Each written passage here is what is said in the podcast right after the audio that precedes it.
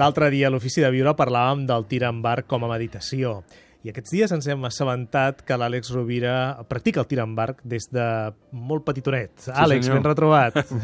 Què tal, oh, I ens agradaria bé que ens fessis 5 cèntims, no, no necessàriament sobre la teva experiència, tot i que ens consta que ets federat i, i tot, i per tant ens podries explicar moltes coses que complementarien el programa de la setmana passada, però un, un conte que tu de vegades expliques en les teves xerrades, Sí. que pensem que pot ser eh, molt, molt útil, no? per anar també més enllà de la pràctica del tir en barc. D'acord, doncs eh, és un conte que està inspirat a partir d'un relat molt breu de l'Alejan- de l'Alejandro Jodorowsky, que vaig llegir en certa ocasió, que em va agradar i que vaig desenvolupar-lo una miqueta, però la llavor i el copyright és d'Alejandro Jodorowsky. I el, el relat diu així, diu, vet aquí que una vegada hi havia un jove arquer, un nano jove de 15 anys que havia practicat des de ben petit el tir barc amb un gran mestre.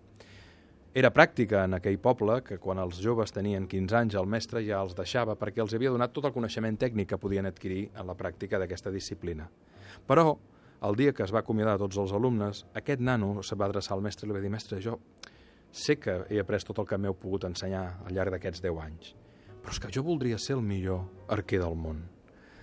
El mestre, que en aquell moment estava en edat jubilosa i jubilada, posem 65 anys, li va dir «Mira, fill, si realment aquesta és la teva vocació, per demostrar que ets el millor necessitem dues coses, un procés i una evidència. Com a evidència et demano que li donguis a la lluna. El dia que puguis mostrar al món que has donat amb una fletxa a la lluna, ningú qüestionarà que ets el millor arquer. D'altra banda, el procés és molt senzill. Cada nit hauràs de tirar mil fletxes a la lluna. Les tiraràs en direcció al mar perquè cap fletxa perduda pugui fer mal a ningú. Les aniràs a buscar nedant.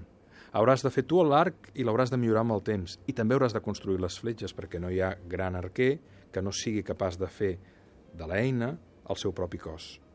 Si d'aquí 20 anys no li has donat, t'espero a casa meva i ens trobem exactament en un dia com avui. El noi aquella nit va començar a tirar les fletxes en direcció al mar, la, fos la lluna nova, la, la lluna vella menguant o creixent.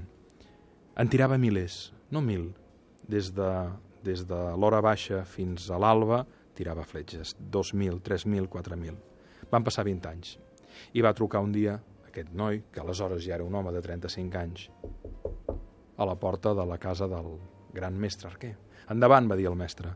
Es va obrir la porta i hi havia un home amb una estructura física formidable, molt ben plantat, molt fort, molt fibrat, molt musculat. El mestre somriu, s'aixeca i li diu, home, ets tu, li has donat a la lluna? L'home abatut, trist, li diu, no, mestre, he tirat milers de fletxes cada dia, he millorat moltíssim en la disciplina.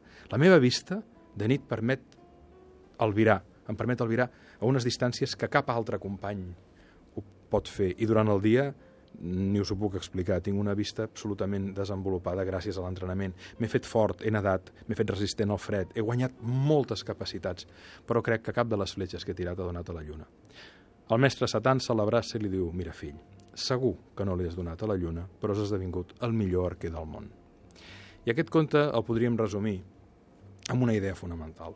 Sovint no és tan important la realització dels nostres anels, desitjos o objectius, per exemple, donar una fletxa a la lluna, que de vegades són utòpics, com el que fan aquests anels perquè nosaltres creixem, ens realitzem i ens transformem. No és important que li donguis a la lluna. L'important és tot el procés d'aprenentatge que has fet en el camí per assolir allò que tu anhelaves.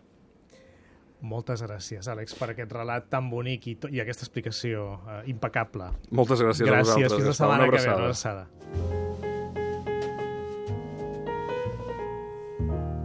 Ah, la, la, la, la.